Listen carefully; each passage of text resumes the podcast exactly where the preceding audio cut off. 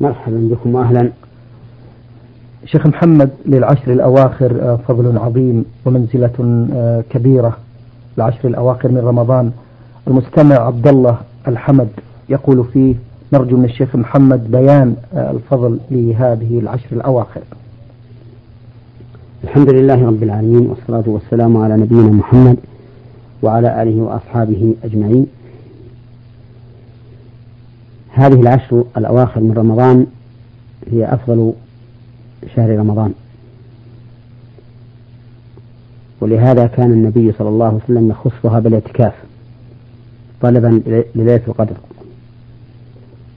وكان فيها ليلة القدر التي قال عنها رسول الله صلى الله عليه وسلم بل التي قال الله عنها ليلة القدر خير من ألف شهر. وكان النبي صلى الله عليه وسلم يخص هذه الليالي بقيام الليل كله.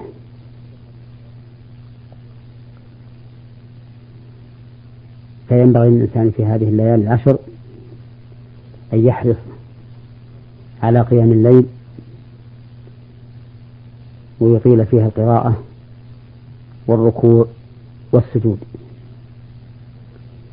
وإذا كان مع إمام فليلازمه حتى ينصرف. لأن النبي صلى الله عليه وسلم قال من قام مع الإمام حتى ينصرف كتب له قيام ليلة.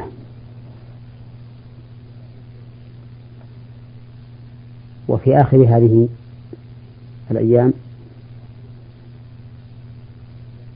بل عند انتهائها يكون تكبير الله عز وجل ويكون دفع زكاة الفطر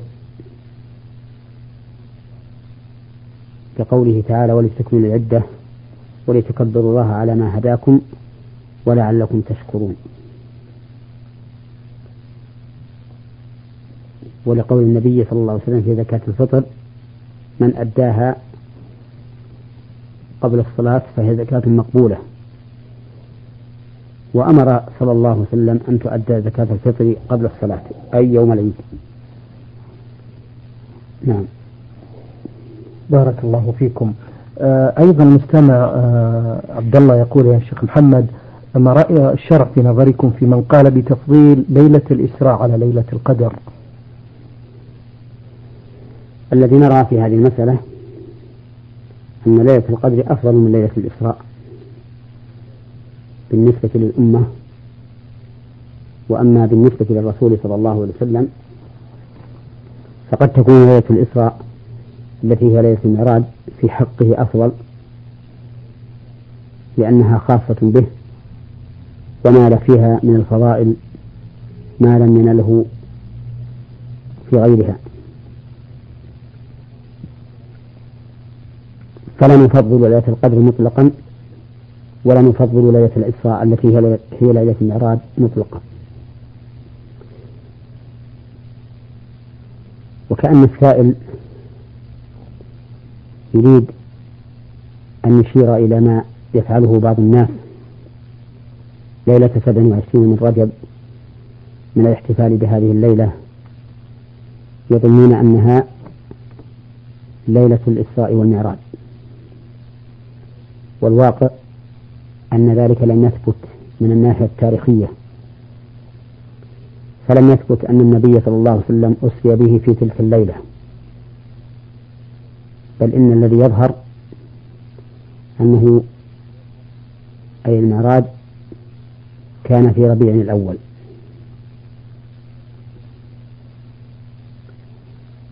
ثم على فرض أنه ثبت أن النبي صلى الله عليه وسلم عرج به في ليلة السابع والعشرين من رجب فإن ذلك لا يقتضي أن تكون أن يكون لتلك الليلة احتفال واختصاص بشيء من الطاعات. وعلى هذا فالاحتفال بليلة المعراج ليلة سبع وعشرين من رجب لا أصل له من الناحية التاريخية ولا أصل له من الناحية الشرعية. وإذا لم يكن كذلك كان من العبث ومن البدعة أن يحتفل بتلك الليلة. هذا المستمع آه، طاء كاف من العراق بغداد يقول في رسالته أنا شاب أبلغ من العمر 18 عاما والحمد لله أؤدي الصلاة وأعمل لنيل رضا والدي وطاعته. ولكن بعد ولادتي حتى الآن لم أرى والدتي. ولكني أعلم أين تقيم الآن ولكن وهي بعيدة عني. الحقيقة بينها لي والدي حيث أنه طلقها وأنا أريد رؤيتها لا لأنها أمي وسيحاسبني الله عليها إن لم أزورها. مع العلم أنني لم أذكر لأبي بأنني أريد أن أراها. أخاف أن أبين له هذا ويغضب علي وخاصة وهو متزوج من امرأة ثانية ولديه منها عدة أطفال فما حكم الشرع في نظركم في عم في حالة هذه؟ الذي نرى أنه يجب عليك أن تزور أمك, أمك وأن تصحبها بالمعروف وأن تبرها بما يجب عليك برها به لأن النبي صلى الله عليه وسلم سئل من أحق الناس بصحابتي؟ قال أمك. أو قال من أحق الناس بحسن صحابتي؟ أي مصاحبتي قال أمك. فقيل قيل ثم أي قال أمك. قيل ثم أي قال أمك. قيل ثم أي قال ثم أبوك. فلا يحل لك أن تقاطع أمك هذه المقاطعة. بل صلها وزرها. ولك في هذه الحال أن تداري والدك بحيث لا يعلم بزيارتك لأمك ومواصلتك إياها وبرك بها. فتكون بذلك قائما بحق الأم متلافيا غضب والدك. بارك الله فيكم. هذا مستمع للبرنامج يقول في آه، رمز لاسمه بميم سين لام مصر الجنسية يعمل بالرياض يقول عندي ولد يحفظ القرآن والحمد لله ومتفقه في الدين جيدا ويعمل إمام جامع يخطب ويصلي لكنه يأخذ على ذلك أجر من صاحب المسجد. هل هذا الأجر هو كل ماله عند الله من الأجر عن الإمامة لأنه أخذه من الدنيا أم يكون له أجر آه، نرجو منكم إفادة. العوض الذي يعطاه من قام بطاعة من الطاعات المتعدية نفعها للغير ينقسم إلى ثلاثة أقسام. أحدها أن يكون ذلك بعقد أجرة. مثل أن يتفق هذا العامل القائم بهذه الطاعة مع غيره على عقد إجارة ملزمة يكون فيها كل من العوضين مقصودا فالصحيح أن ذلك لا يصح.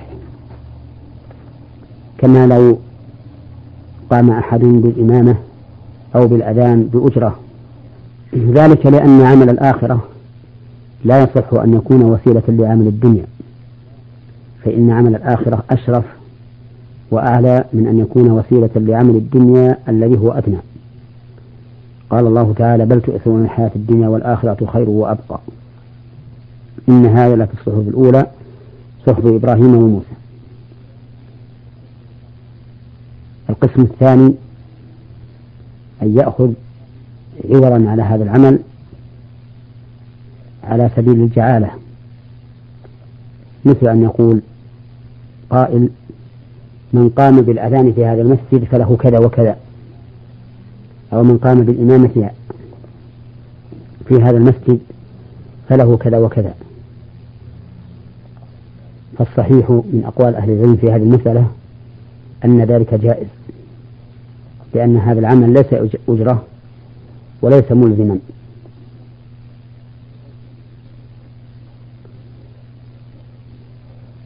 وأما القسم الثالث فهو أن يكون العوض مبذولا من بيت المال. تبذله الدولة لمن قام بهذا العمل فهذا جائز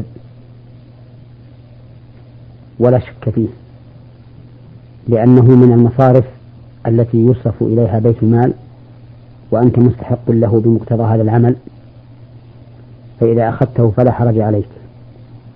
ولكن ينبغي أن ينبغي أن يعلم أن هذه الأعواض التي تباح لمن قام بمثل هذه الوظائف لا ينبغي أن تكون هي مقصود العبد فإنه إذا كانت مقصودة هدم من أجل الآخرة. أما إذا أخذها ليستعين بها على طاعة الله وعلى القيام بهذا العمل فإنها لا تضره. وليعلم أن أخذ الأجرة على القراءة على المريض لا بأس به لأنها ليست من هذا الباب وقد ورد في السنة ما يدل على جوازها. نعم. المستمعة المواطنة من العراق من محافظة إربل تقول أحييكم بتحية الإسلام وسلام الله عليكم ورحمته وبركاته.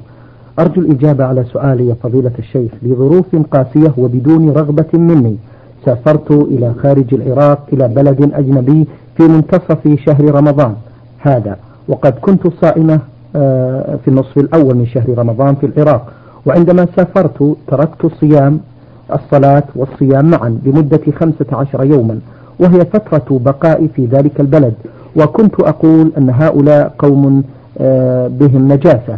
ولا يجوز استعمال حاجياتهم.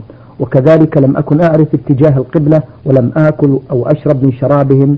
آه، الشيخ محمد أسأل هل تركي للصلاة والصوم لهذه الفترة يؤثر على فريضة الحج التي كنت قد أديتها منذ بضع سنوات؟ وهل هناك حكم أؤديه؟ ليغفر الله لي ذنوبي. أفتونا. بارك الله فيكم. تركك الصلاة. هذه المدة والصيام لا يؤثر على فريضة الحج التي أديتيها من قبل. لأن الذي يبطل العمل الصالح السابق هو الردة. إذا مات الإنسان عليها. لقول الله تعالى ومن يرتد ومن يرتد منكم عن دينه فيمت وهو كافر فأولئك حبطت أعمالهم في الدنيا والآخرة وأولئك أصحاب النار هم فيها خالدون. أما المعاصي فإنها لا تبطل الأعمال الصالحة السابقة. ولكن ربما تحيط بها من جهة أخرى. إذا كانت هذه المعاصي كثيرة ووزن بينها وبين الحسنات ورجحت كفة السيئات فإن الإنسان يعذب عليها. وبناء على ذلك فإن الواجب عليك الآن أن تتوبي إلى الله عز وجل من ترك الصلاة. وأن تكثري من العمل الصالح ولا يجب عليك قضاؤها على القول الراجح. وأما الصوم فتركك إياه جائز لأنك مسافرة والمسافر لازمه أداء الصوم. لقول الله تعالى ومن كان مريضا أو على سفر فعدة من أيام أخر. وقولك في تعليل تركك الصلاة, تركك الصلاة إنك لا تعرفين القبلة ولا تأكلين من طعامهم وشرابهم. قولك هذا ليس بصواب أي أن امتناعك من أداء الصلاة لهذا السبب ليس بصواب. فإن الواجب عليك أن تصلي بقدر المستطاع. وأن تأتي بما يجب عليك في صلاتك وأن تأتي بما يجب عليك في صلاتك بما استطعت منه. كقول الله تعالى لا يكلف الله نفسا إلا وسعها. وقوله تعالى فاتقوا الله ما استطعتم. وقول النبي صلى الله عليه وسلم إذا أمرتكم بأمر فأتوا منه ما استطعتم. فالإنسان إذا كان في مكان لا يعرف القبلة ولم يكن عنده من يخبره بها خبرا يوثق به فإنه يصلي بعد بعد أن يتحرى. إلى الجهة التي غلب على ظنه أنها القبلة ولا يلزمه الإعادة بعد ذلك. بارك الله فيكم شيخ محمد. آه، مستمع للبرنامج من الأردن إربد يقول في رسالته. المستمع رمز لاسمه بألف ألف آه، ألف. يقول هل يجوز لرب الأسرة أن يفضل بعض الورثة على البعض؟ نرجو من فضيلتكم إفادة.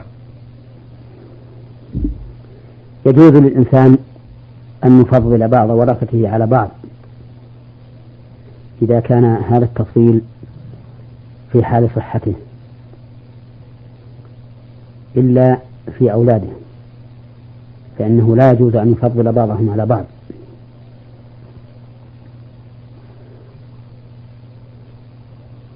إلا بين الذكر والأنثى فإنه يعطي الذكر ضعف ما يعطيه الأنثى. لقول النبي صلى الله عليه وسلم اتقوا الله واعدلوا بين أولادكم. فإذا أعطى الإنسان أحد أبنائه مئة درهم مثلا وجب عليه أن يعطي الأبناء الآخرين على مئة درهم ويعطي البنات على خمسين درهما. أو يرد مئة الدرهم التي أعطاها الابن الأول أن يأخذها منه. نعم لو فرض أن أولاده كلهم من الذكور والإناث كانوا قد بلغوا الرشد وسمحوا له بالتفضيل فإن هذا لا بأس به. وهذا الذي ذكرناه في غير النفقة الواجبة. أما النفقة الواجبة فيعطي كل منهم ما يستحق. فلو قدر أن أحد أبنائه احتاج إلى الزواج وزوجه ودفع المهر لأن الابن لا, لا يستطيع دفع المهر فإنه في هذه الحال لا يلزمه أن يعطي الآخرين مثل ما أعطى هذا الذي احتاج إلى الزواج ودفع عنه المهر.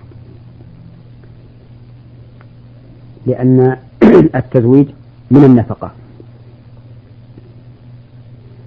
وبهذه المناسبة أود أن أنبه على مسألة يفعلها بعض الناس جهلا.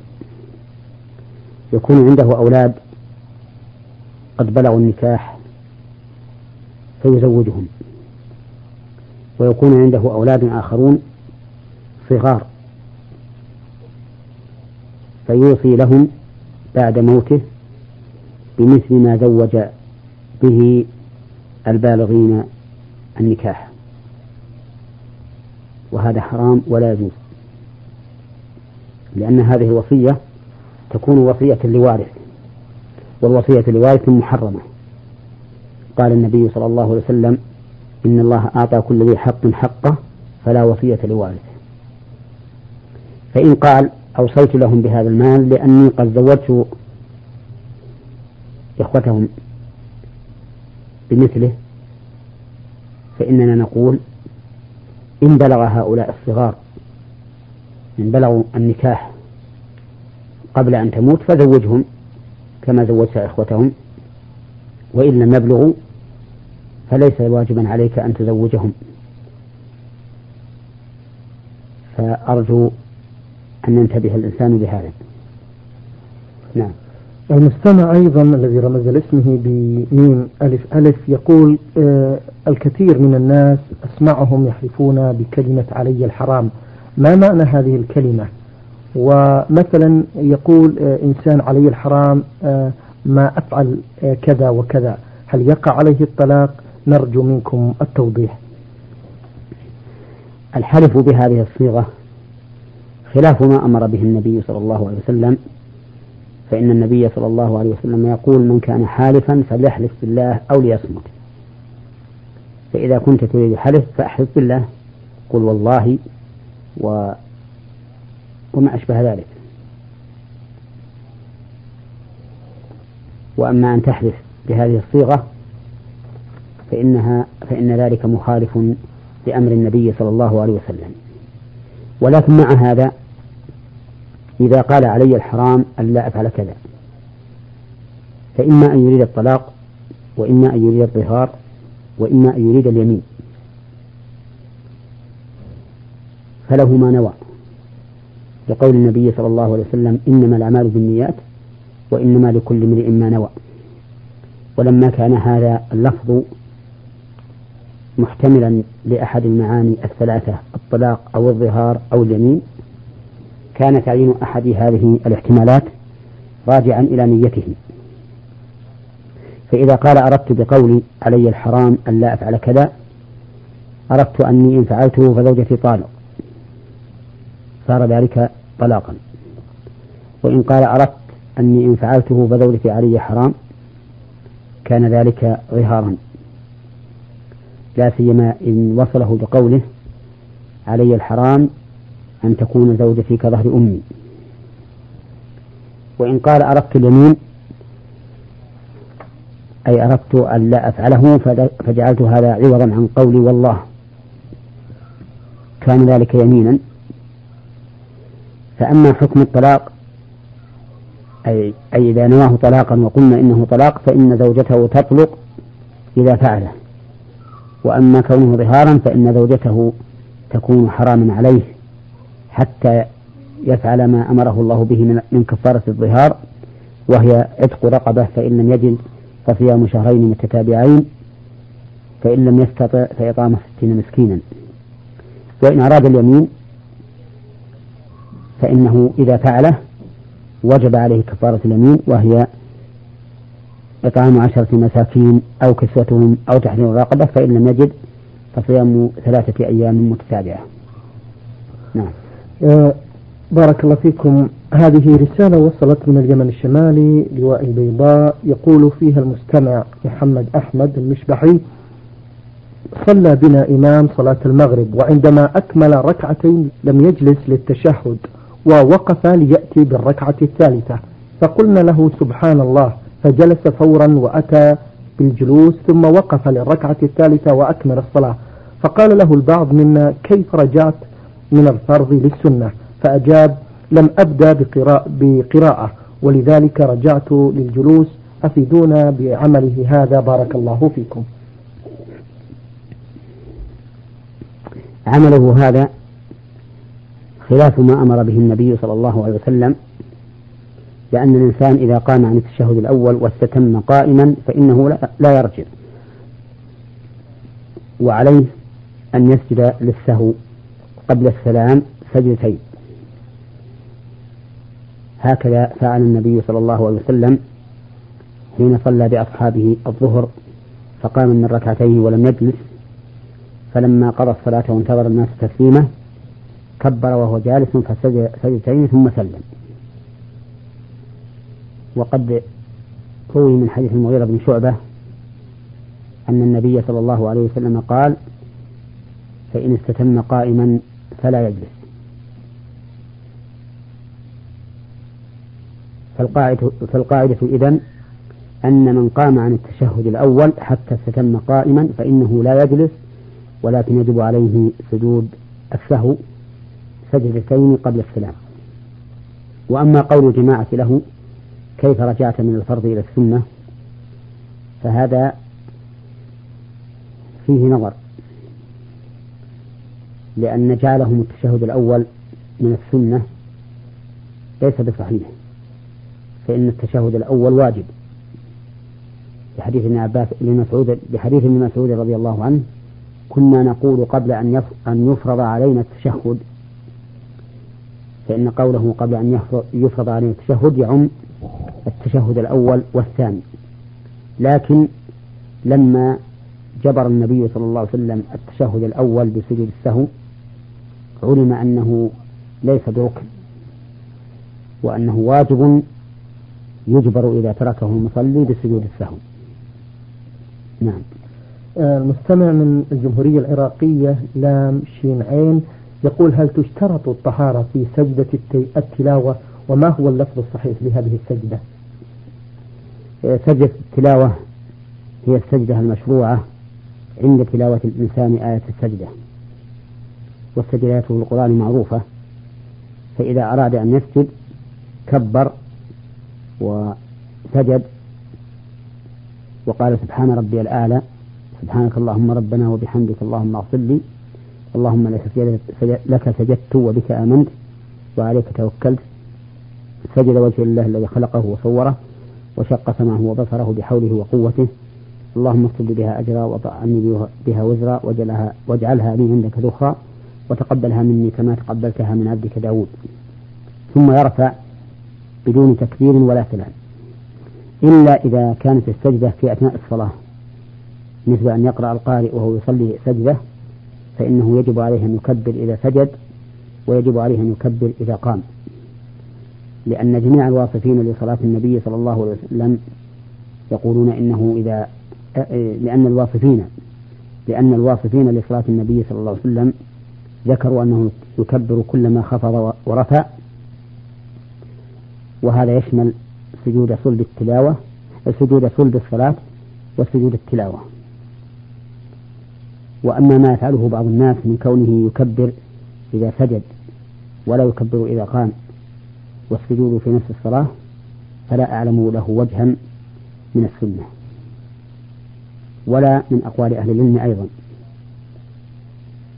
وأما قول السائل هل يشترط تشترط الطهارة لسجود التلاوة فإن هذا موضع خلاف بين أهل العلم فمنهم من قال إنه لا بد أن يكون على طهارة ومنهم من قال إنه لا يشترط وكان ابن عمر رضي الله عنهما يسجد على غير طهارة.